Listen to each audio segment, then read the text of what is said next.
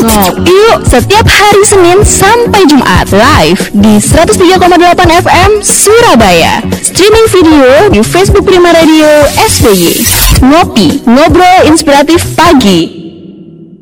Pertama adalah filantropi. Jadi perusahaan memberikan donasi-donasi Oke. yang kira-kira bermanfaat buat masyarakat dan lingkungan, memberikan ya volunteering lah. Hmm. gitu.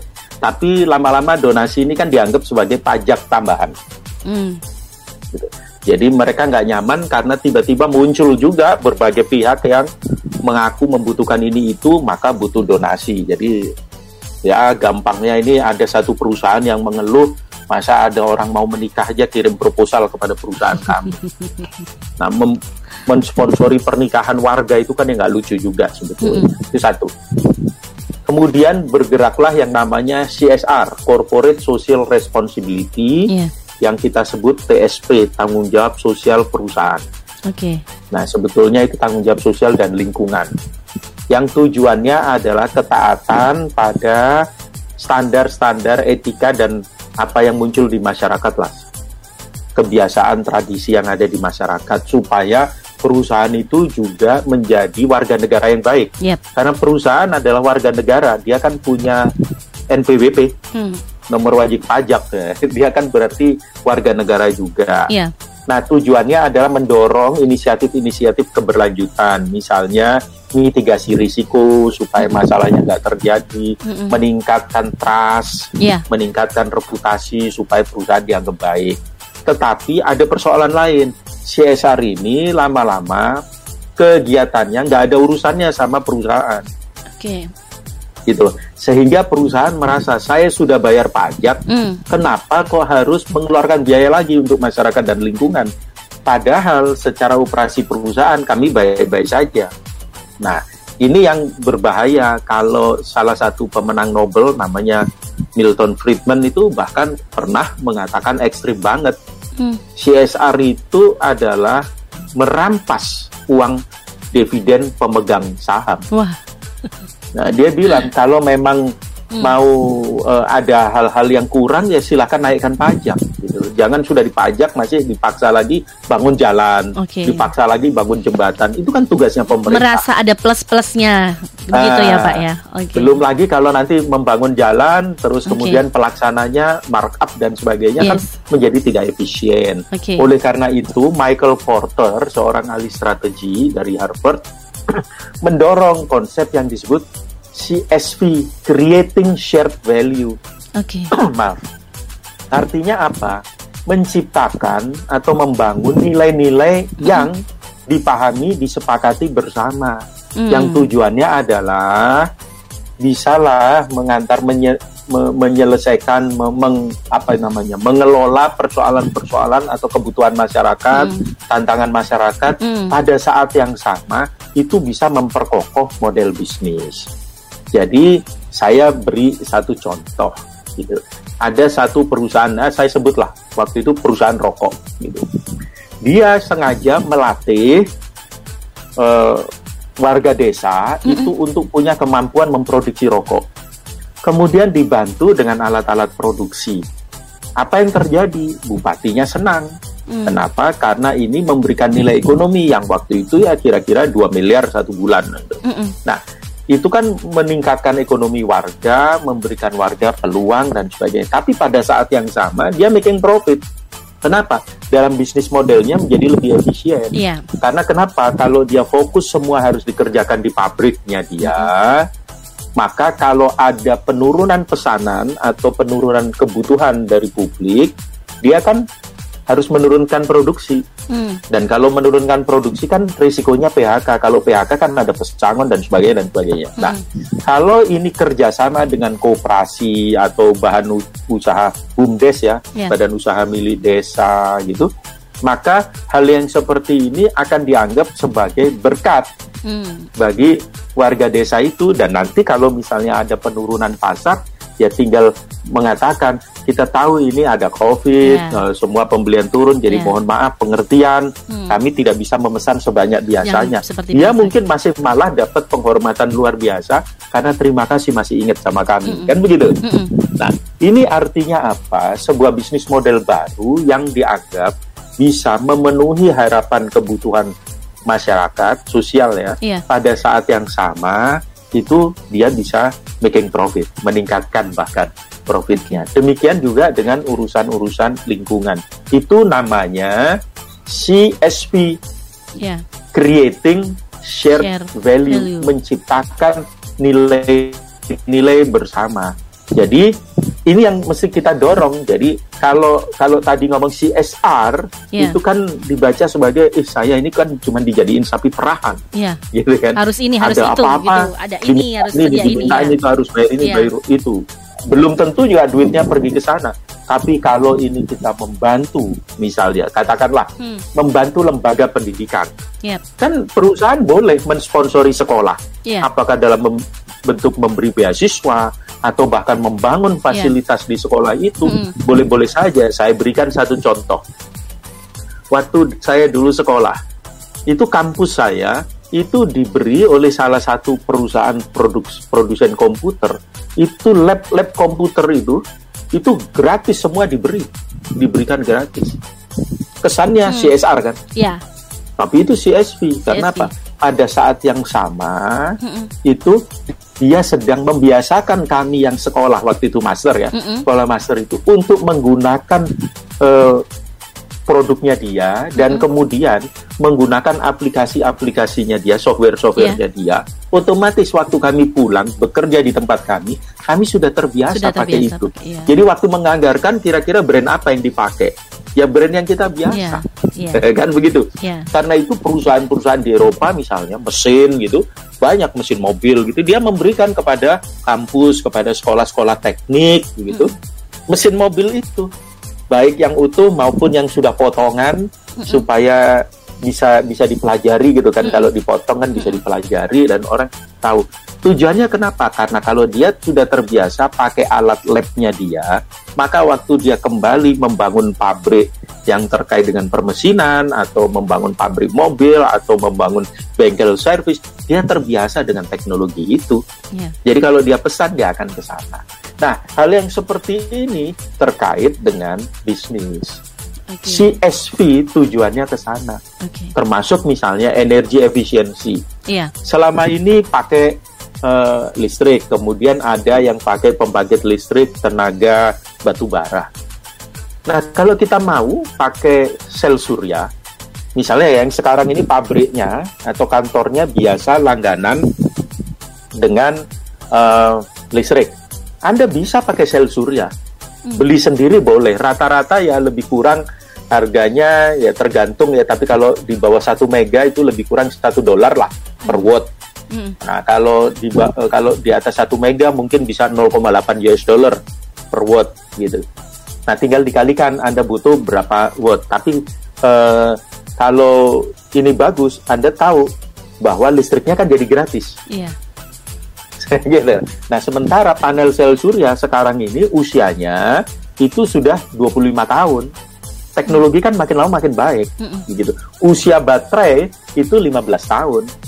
Jadi Anda bisa menggunakan energi listrik. Kalau nggak mau, sekarang bahkan saya tahu di Indonesia sudah beroperasi perusahaan yang menyewakan listrik. Mm. Jadi dia akan memasang kalau Anda ini di atas 1 mega megawatt kebutuhannya, itu maka Anda dipasang sama dia gratis. Anda akan bayar listrik seperti bayar listrik dengan PLN, tetapi dengan harga yang 10% sampai 15% lebih murah. Dan itu menurunkan biaya operasi dan Anda tidak perlu investasi, yang investasi dia. Mm. Nah, demikian juga dengan penggunaan air dan sebagainya ya. Ini yang mesti kita lihat. Economic development warga juga begitu. Saya beri satu contoh sekarang. Eh, restoran-restoran, hotel-hotel yang bagus, kalau membeli katakanlah wortel, Hmm. itu pasti akan memilih wortel yang bagus. Definisi wortel bagus itu apa? Gitu kan? Yang warnanya keren, Ya. ya oranyenya bagus, terus dia satu satu eh, satu batang mulus. Apa yang terjadi kalau wortelnya itu tiba-tiba cabang? Hmm. Dia nggak akan beli karena dianggap itu defect. Padahal kandungan vitaminnya kan nggak beda. Nah saya tahu teman saya di IFC World Bank itu eh, dari India sebetulnya mereka itu membantu di Surabaya dan sidoarjo ada satu kelompok nggak saya sebut namanya itu menjual membantu petani-petani menjual produk-produk yang terkesan tidak laku padahal sebetulnya sama saja Mm-mm. melalui online dan ini kan economic development Iya. gitu. Nah, hal-hal yang seperti ini mesti jadi perhatian kita bersama. Jadi jangan sampai kita melihat kepedulian saya kepada masyarakat, Hmm. kepedulian saya kepada lingkungan itu adalah beban ekonomi bagi perusahaan. Enggak, Hmm. malah bisa melakukan efisiensi. Mm-mm. Dengan sustainability report ya Anda bisa menulis karena kepedulian kami terhadap eh, eh, jejak karbon gitu kan Yep. sehingga kami tidak ingin membebani, mempolusi dengan gas-gas rumah kaca, maka kami memotong biaya, eh, memotong aktivitas yang biasanya rapat koordinasi nasional itu in person meeting tatap muka langsung, Mm-mm. kami ubah menjadi virtual. Mm. Nah, terus kan dia bisa hitung pesawat kalau dari cabang Papua, dari cabang Manado, dari cabang Aceh pergi ke Jakarta itu eh, untuk meeting itu kira-kira berapa eh, polusi yang diciptakan dan sebagainya. Itu dia bisa hitung sebagai upaya untuk menyelamatkan. Tapi faktanya perubahan dari in-person meeting menjadi virtual itu Mm. kan ekstrim sekali Iya. menurunkan biaya. Nggak Iya. perlu biaya tiket, nggak perlu biaya akomodasi, dan tidak perlu biaya SPPD lah yang kita kenal. Ini perjalanan dinas, Hmm. Iya. uang saku dan Iya. sebagainya. Nah, Iya. Ini penghematan luar biasa. Nah, ini semua CSP. Oke. gitu loh. Ini yang mesti kita pahami. Jadi dari sisi produk kita, proses produksi kita, servis kita, proses servis kita, itu semua kita cermati kembali 360 derajat dan kita tetapkan mana-mana yang kira-kira bisa dikerjakan dengan konsep shared values atau creating eh, bagaimana menciptakan eh, atau kita sebut creating shared values. Jadi bagaimana supaya itu menjadi, menjadi nilai bersama. Porter itu terkenal sekali dengan konsepnya value chain, Hmm. gitu kan? Eh, rantai nilai di mana perusahaan itu dibagi dua sama dia. Satu namanya aktivitas pendukung, satu namanya aktivitas utama. Aktivitas pendukung itu apa? Infrastruktur perusahaan, Hmm. keuangan, planning, hubungan dengan investor gitu. Kedua, human resource management, rekrutmen, training, kompensasi, sistem kompensasi dan sebagainya. Ketiga, technology development. Itu apa? Product design, proses design, market research dan sebagainya. Keempat, procurement. Apa itu? Service, mesin-mesin, pembeliannya bagaimana dan data itu bagaimana. Nah, ini kan empat ini disebut supporting activities. Nah, kalau primary activities itu mulai dari bahan baku masuk, operasinya, mengubah bahan baku ini jadi produk jadi. Misalnya kalau kita ngomong pabrik, terus kemudian keluarnya, bagaimana kita prosesnya, penggudangannya, pengirimannya, transportnya ya, Iya. terus marketingnya nanti bagaimana sampai after sale service. Semua ini dihitung sama dia memunculkan yang namanya margin Hmm. cuan. Berapa nih saya dapatnya? Nah, sekarang dia mengubah dengan creating shared value itu Michael Porter mengubah modelnya. Pertanyaannya adalah apa sebetulnya yang mau dibayar oleh pembeli? Apakah pembeli sekedar membeli produk barang atau jasa itu atau dia termasuk membeli filosofinya. Saya beri satu contoh. Ada kan kalau kebanyakan perempuan tapi laki-laki juga e, menggunakan produk itu, kayak saya sebut ada produk yang kebutuhan kita lah sehari-hari. Mau mandi, mau pakai parfum, mau apa saja itu ada satu toko gitu ya. Nah, itu dia memproduksi, dia mengatakan semua produk kami tidak menggunakan binatang sebagai e, bahan untuk uji coba. Hmm. Nah, harganya lebih mahal, tapi orang kan suka. Dan dia sangat peduli sama lingkungan, mengurangi secara ekstrim eh, penggunaan plastik yang Iya. sekali pakai dan Iya. sebagainya dan sebagainya. Nah, orang beli termasuk di Indonesia laku keras produknya. Hmm. Nah, ini kan yang namanya keyakinan kita bersama tentang apa yang baik apa yang benar, apa yang boleh dan apa yang tidak boleh. Itu value, nilai. Hmm. Hmm. Dan ini yang harus diyakini. Kenapa? Karena ikan itu selalu busuk dari kepalanya. Jadi kalau perusahaannya ini rusak, mencemari dan sebagainya, sudah bisa dipastikan yang rusak itu adalah ownernya. Mohon maaf, kepala ownernya, kepala pemiliknya. Karena dia mengatakan mungkin dalam pikirannya saya memaksimalkan profit, yang lain bodoh amat itu kan risikomu. Hmm. Gitu. Nah itu nggak boleh. Gitu. Ketika ada nikmat, itu anda kan bisa saja dalam proses nikmat itu mencemari lingkungan, Hmm. mengganggu yang lain. Makanya saya selalu kepada anak-anak muda misalnya, saya suka katakan nanti malam waktu dinner sama papamu, Hmm. tanya sama dia, Pak, kita bisa hidup enak, makan nyaman seperti ini. Kita selama ini baik nggak sih sama lingkungan? Atau ada nggak proses produksi di pabriknya papa itu yang merusak? Hmm. Kalau dia marah, berarti Anda harus doakan dia karena dia banyak melakukan dosa-dosa itu. Jadi saya suka ngomong begitu sama anak-anak muda. Nah, hal yang seperti ini, gimana caranya di setiap aktivitas value chain perusahaan kita sisipkan shared value tadi. Yep. Ini ini ini, Nilai-nilai ini berbagi, contohnya. nilai-nilai berbagi ya Pak. Sekarang kita didukung oleh digital transformation, ada teknologi IT yang luar biasa gitu. hmm. Sehingga contoh, kalau kita menyimpan data-data kita cloud computing Mm-mm. di cloud itu kan berarti nggak usah dicetak nih. Iya. Oh, kita membantu lingkungan itu sebenarnya pada saat yang sama menghemat biaya karena biaya cetak kan bukan hanya tinta nyetaknya yang juga mengandung logam berat, tapi kertasnya Kertasnya juga kan ada ongkosnya. Mm. Jangan lupa pohon yang umur 10 tahun kalau ditebang itu satu pohon hanya akan menghasilkan kira-kira 15 rim kertas. Nah, untuk menciptakan 15 rim kertas itu berapa liter air yang dipakai karena pabrik kertas itu termasuk yang sangat rakus dengan air. Mm. Nah, air itu kan kalau sudah masuk proses produksi keluarnya limbah pasti tercemar. Iya. Nah, kalau Anda mengatakan kepedulian lingkungan kami menyebabkan kami memilih menggunakan cloud computing, itu di dalam narasi sustainability report kan kelihatan keren. Gitu kan? Kelihatan bagus, tapi pada saat yang sama Anda efisien. Iya. Dan mohon dipahami silahkan lihat di Bursa Efek Indonesia misalnya itu ada yang namanya Sri Kahati, Sustainable and Responsible Investment Index. Hmm. Kebetulan tiga tahun saya 2014-2016 menjadi chief analystnya itu adalah satu indeks yang mempelajari semua eh, bur- eh, emiten bursa ya, semua perusahaan yang ada terdaftar di pasar bursa dipilih 25 perusahaan yang paling peduli, paling responsibel Mm-mm. gitu dalam melakukan eh, bisnis sehingga investor-investor itu tahu dan ternyata pertumbuhan investment di sektor ini meningkat sangat tajam. Artinya apa? Investor sekarang sudah menjadi peduli dan memilih bahwa dia akan mendukung perusahaan-perusahaan yang dalam prakteknya baik pada lingkungan alam dan manusia sosial. Ini yang jadi perhatian kita. Yep. Kalau kita eh, sustainability reportnya bagus, akses kepada financial market Hmm. itu akan sangat terbuka.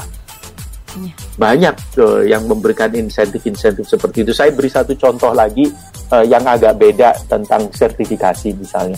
Di awal mungkin 2006, 2007 begitu ya. Itu ketika muncul yang namanya SVLK, Hmm. sertifikasi legalitas verifikasi kayu Iya. Nah, waktu itu kan banyak yang menolak kenapa kayu harus disertifikasi. Disertifikasi. Karena kalau disertifikasi itu bisa ketahuan nih, ini dipotong dari lahan yang mana, Mana? Oke. di titik mana Iya. sehingga ketahuan ini kayu nyolong apa Atau kayu resmi. beneran nih. Beneran. Kan gitu. Nah, yang menarik adalah contoh kayu jati di pasar Belanda aja pada tahun sekitar 2006-2007. Kalau ada sertifikasinya, ada sertifikatnya, pasar Belanda itu mau membeli dengan 50% lebih tinggi. Hmm. Nah pertanyaan saya, menguntungkan nggak? Ya pasti menguntungkan lah. Cuma rumit di depan kan karena mengurus sertifikasi. Mm-mm. Supaya proses bisnis kita juga terhormat, berintegritas. Jadi contoh, kita nggak akan beli kayu hasil mencuri gitu Hmm. kan.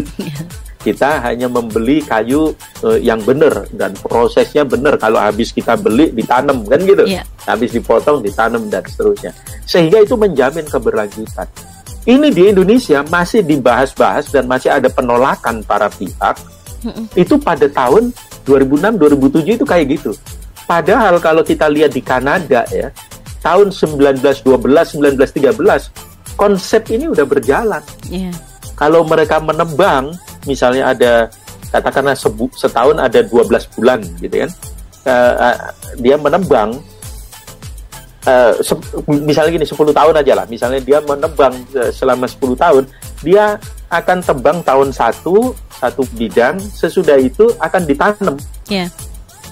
tahun 2 tahun nanti misalnya 10 tahun maka tahun ke-11 dia akan balik ke lot nomor satu tadi karena sudah layak untuk ditebang Tebang. lagi nah sehingga ini yang disebut sustainable agroforestry gitu. Itu terjadi. Bahkan di RRT yang sering dikritik itu eh, RRT itu di awal tahun 2000 sudah mengembangkan yang namanya China Ecological Agriculture.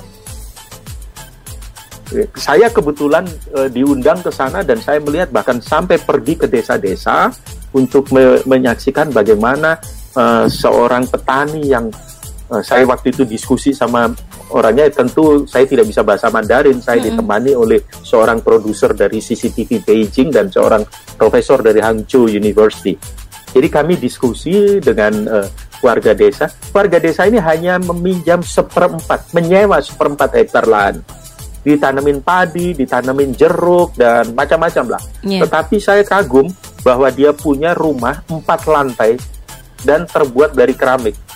Di, di temboknya itu nggak pakai cat, pakai keramik. Di bagian atas itu dia lantai empatnya itu dipakai untuk menjemur padinya dan di situ ada solar panel.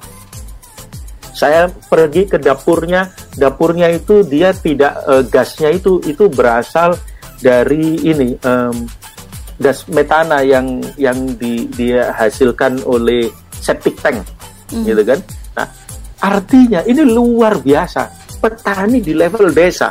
Saya masih ingat sekali dalam perjalanan agak jauh soalnya itu dari Guilin kami pergi ke satu kota kecil namanya Guangzhou kira-kira tiga jam perjalanan lewat highway. Dari situ masih pergi lagi ke desa ini saya lupa ya mungkin dua jam gitu. Nah, waktu itu dalam perjalanan saya bilang, ini dari kota sampai ke desa, saya lihat aliran airnya di pinggir-pinggir jalan, ini kok bening. Ya, saya bilang, ini gimana nih? Di tempat kami itu warnanya coklat. Hmm. Nah, ternyata mereka menerapkan konsep yang namanya China Ecological Agriculture. Yep. Jadi eh, air-air itu yang dari limbah rumah tangga sekalipun itu kemudian dia akan masuk lewat eh, tanaman-tanaman sehingga akan diserap oleh akar-akar eh, lewat pohon-pohon jeruk begitu dan nanti masuk ke saluran air itu udah bening Oke. karena dia udah diserap. Nah, model seperti ini yang mestinya kita kembangkan dan perusahaan-perusahaan bisa membantu Iya. masyarakat di sekitar perusahaan untuk mengembangkan konsep yang seperti ini, Baik. baik untuk perusahaan dan baik untuk Iya. masyarakat. Itu yang kita sebut sebagai eh, em, apa itu namanya CSV. CSV. Nah, apa kaitannya dengan ESG? ESG itu singkatan Environmental Social, Sosial dan Governance. governance. Oke. Nah, gimana caranya kita supaya isu environment dan isu sosial tadi aman? Governance, governance itu corporate governance. Artinya apa? Tata kelola, sistem tata kelola di Iya. dalam perusahaan itu harus tegak, harus tegas, Baik. termasuk sampai pada tahap SOP. Jangan SOP dan ISO itu hanya menjadi pajangan Hmm. supaya dapat sertifikat, tapi nggak pernah dilaksanakan, percuma.